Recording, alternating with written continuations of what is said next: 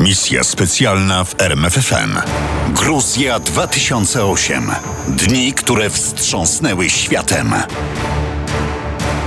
Był wieczór 9 sierpnia 2008 roku, kiedy odezwał się telefon w gruzińskim Ministerstwie Obrony. Dzwoniono z Pentagonu. Halo? Proszę posłuchać.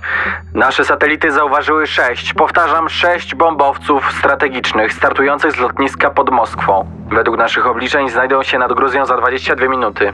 Prognozy Amerykanów okazały się precyzyjne. Bombowce rosyjskie nadleciały nad Gruzję. Bomby spadły na miasta Gori, Poti i Tbilisi. Nie oszczędzano osiedli mieszkaniowych. Wojna rosyjsko-gruzińska weszła w nową fazę. Dlaczego Rosja zaatakowała mały, schowany w górach Kaukazu kraj? A może było odwrotnie? Kto zaczął tę wojnę? Propaganda rosyjska odpowiedziała jasno.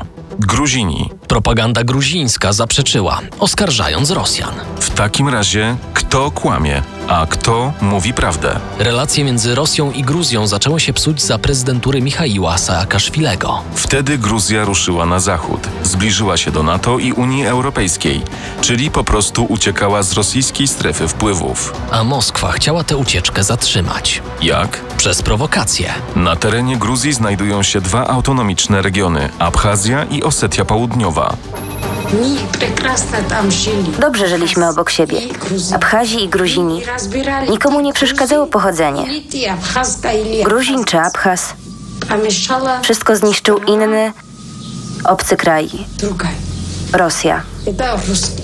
W Osetii Południowej i Abchazji pojawiły się dążenia do pełnej niepodległości, a ponieważ same nie były w stanie jej wywalczyć, Rosja jako protektor była na rękę zarówno Abchazom, jak i Osetyjczykom. Ale wtedy zaczęły się czystki. Do pierwszej krwawej wojny doszło w latach 1992-1993. Potem zapanował spokój. Minęło 15 lat i znów ktoś zbudził demony wojny. Kto? Na rozkaz Moskwy już 1 sierpnia w okolicach Trzcinwali w Osetii Południowej zaczęły wybuchać bomby pułapki. Ofiarami byli gruzińscy żołnierze sił pokojowych. W odpowiedzi gruzińscy snajperzy zdjęli czterech Osetyjczyków, ranili kolejnych siedmiu. Wtedy odezwała się osetyjska artyleria. Do 4 sierpnia wokół Trzcinwali grzmiały działa obu stron. W Tbilisi, stolicy Gruzji, prezydent Michaił Saakaszwili zaczął się niepokoić. Wierzył jednak, że sytuacja zostanie opanowana przez tamtejsze kontyngenty gruzińskich i rosyjskich wojsk rozjemczych. Ale z każdym dniem było tylko gorzej. 7 sierpnia wieczorem prezydent Saakaszwili zdecydował o rozpoczęciu ofensywy w Osetii Południowej. Początek działań wojennych wyznaczył na poranek następnego dnia, 8 sierpnia. Tak się jednak złożyło, że był to dzień inauguracji letnich Igrzysk Olimpijskich w Pekinie. W stolicy Chin znajdowali się oficjele i głowy państw niemal z całego świata. Nie zabrakło prezydenta Stanów Zjednoczonych George'a Busha Jr. i premiera Rosji Władimira Putina. Właśnie szykowali się do wyjścia na uroczystości, kiedy Bush i Putin otrzymali niepokojące informacje o wojnie w Gruzji. Jeszcze nie wiadomo było, co tak naprawdę się dzieje. Jeszcze nie ustalono, kto zaatakował i jak poważne są to starcia. A już Bush prosił na rozmowę Putina. Po spotkaniu był pewien, że premier Rosji dokładnie przemyślał strategię wobec Gruzji i jest zdeterminowany pokonać Saakaszwilego. Zastanawiałem się, czy Rosjanie byliby tak agresywni, gdyby NATO zaakceptowało przyznanie Gruzji planu działań na rzecz członkowstwa. Nie można wykluczyć, że w takim wypadku Putin byłby ostrożniejszy, ale nie można też wykluczyć, że nie przejąłby się tym faktem. Dla Busha było też jasne, że Saakaszwili wpadł w pułapkę, z której się łatwo nie wypląta. A przecież przed trzema laty Bush mu klarował. Nie próbujcie wdawać się w konfrontację militarną. Nie będziemy w stanie zapewnić wam pomocy wojskowej. Mimo ostrzeżeń, prowokacja Moskwy wykonana rękami osetyjskich bojówek odniosła oczekiwany skutek. Saakaszwili zaatakował osiedla w południowej Osetii, dając tym samym Putinowi pretekst do rozpoczęcia wojny odwetowej. Wojny, do której Rosjanie przygotowywali się od kilku miesięcy. Skąd o tym wiadomo? Między innymi z tej relacji pewnej młodej Osetyjki. Z końcem lipca mówili nam, żeby lepiej wyjechać. Najlepiej na urlop. Nie posłuchała, została. Na szczęście dla niej drugiego dnia wojny nadeszli Rosjanie i przepędzili żołnierzy gruzińskich z jej wioski. a ją i mieszkańców zniszczonych domów ewakuowali w bezpieczne miejsce. Ten jeden dzień wystarczył, by obudzić nienawiść. Nienawidzę Gruzinów. Wszystkich. Także cywilów, bez względu na to, czy walczyli przeciw nam, czy nie. Po prostu ich nienawidzę, bo są Gruzinami. Zniszczone przez rosyjskie bomby mieszkania i domy sprawiły, że nienawiść wyrażano również po gruzińsku. Przeklęci Rosjanie.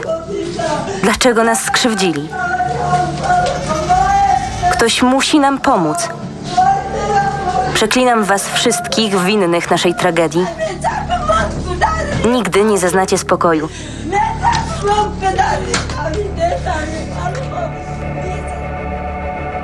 Jak zachowywali się Rosjanie wobec Gruzinów? Jak zawsze, Sierpień 2008 roku, centrum niewielkiej gruzińskiej wsi Tkwiawi, nieopodal Gori. plac, na nim opuszczona stacja benzynowa, obok spalony sklep. Przez wieś prowadzi asfaltowa droga z Cinwali do Gori. Mężczyzna w czerwonym swetrze z wyhaftowanym Mikołajem opowiada. Вот здесь убили одного молодого ч- э, человека. Tu zabili młodego człowieka. Он здесь лежал 10 дней. Leżał 10 dni. Вечером Wieczorem kąsały go psy, we dnie rozjeżdżały от него czołgi. отходили сам танки. Niósł dzieciom ubranka Zaczepili go rosyjscy żołnierze. i zastrzelili jednym strzałem w krtań. Dlaczego to zrobili? Proste, bo to był Gruzin. W końcu ktoś posprzątał zmasakrowane ciało. Na miejscu zbrodni pozostał tylko mały dziecięcy bucik. Żołnierze Putina nie napotykali twardego oporu przeciwnika, co nie znaczy, że Gruzini tylko się wycofywali. Przeciwnie, zaciekłość przeciwnika poznał osobiście sam dowódca 58. Armii generał Anatolij Chruliow. Jechaliśmy do Trzcinwali w BTR-ze dowódcy 58. Armii w konwoju 30 pojazdów bojowych. Relacjonował w notatkach frontowych dziennikarz Aleksander Koc. Nagle zobaczyłem dwóch Gruzinów w pobliżu uszkodzonego czołgu. Przyjrzałem się uważnie. Nieopodal za każdym słupem chowali się żołnierze nieprzyjaciela z karabinami maszynowymi. Mówię to żołnierza siedzącego obok, Gruzini, na co on krzyknął niesamowicie głośno: Gruzini! Pomimo błyskawicznej reakcji Rosjanie wpadli w pułapkę. Wokół kolumny pojazdów rozpętała się krótka, zajadła walka. Obie strony miały rannych i zabitych. Wściekły generał Chruliow walił pięścią w ziemię, przyznając się tym samym do bezsilności. Tymczasem pojazdy złamały szyk i rozjechały się w różnych kierunkach na jakieś półtora kilometra, po czym każdy na własną rękę próbował wyrwać się z pułapki. Dziennikarz Aleksander Koc i inni reporterzy uciekali osłaniani przez wycofujące się transportery opancerzone BTR. Razem z nimi uciekał generał. Gdy Putin przyleciał do władzy Kawkazu prosto z Pekinu, podobno był zdziwiony nieporadnością żołnierzy pod Cinwali. Później wpadł we wściekłość. Zdecydował się osobiście nadzorować działania 58. Armii. Była to ta sama armia, której czołgi cztery lata wcześniej rozniosły salę gimnastyczną w szkole w Biesłanie. Latem 2008 roku demolowały ogniem dział gruzińskie domy. Skwapliwie pomagali im w tym niszczycielskim procederze Osetyjczycy. Po gruzińskich wioskach w Osetii Południowej pozostały tylko zgliszcza.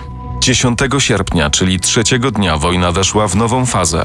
Na zachodzie Gruzji, w aspirującej do niepodległości pod skrzydłami Moskwy Abchazji, pojawiło się 20 tysięcy żołnierzy rosyjskich. Gruzja stanęła przed perspektywą wojny na dwa fronty. Wojny, której jej maleńka armia nie mogła wygrać. To też na abchaskim froncie nie stawiano oporu. Toczono tylko walki z wojskiem abchaskim o strategicznie ważny wąwóz Kodori.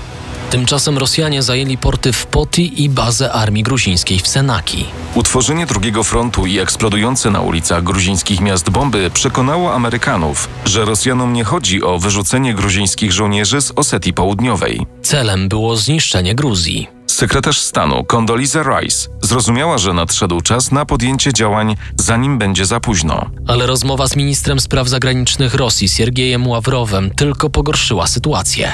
Warunkiem zakończenia wojny jest odsunięcie Saakaszwilego od władzy.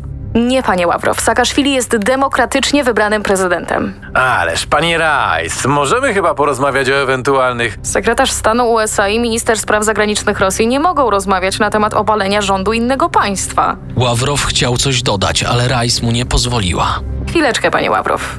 Zaraz po naszej rozmowie poinformuję świat o tym, że celem waszej wojny jest obalenie demokratycznego prezydenta. Rzeczywiście, sekretarz stanu zatelefonowała do Londynu, Paryża, Brukseli i Berlina, aby zdradzić szczegóły strategii Moskwy. Tego samego dnia na forum Rady Bezpieczeństwa ONZ ambasador USA powiedział: Rosjanie domagają się obalenia rządu Gruzji. Następnego dnia, 11 sierpnia, Saakaszwili podjął dwie ważne decyzje Nakazał wycofanie armii z Podgori do Tbilisi. i ogłosił jednostronne zawieszenie broni. Natomiast czołgi rosyjskie wyjechały z Osetii Południowej i podeszły pod Gori. Cały czas trwało bombardowanie Gruzji. W specjalnym raporcie wysłanym do Brukseli przez przedstawiciela Unii Europejskiej w Gruzji napisano: Jeśli armia rosyjska uderzy na Tbilisi, zajmie je w ciągu doby. Biały Dom opanowała gorączka.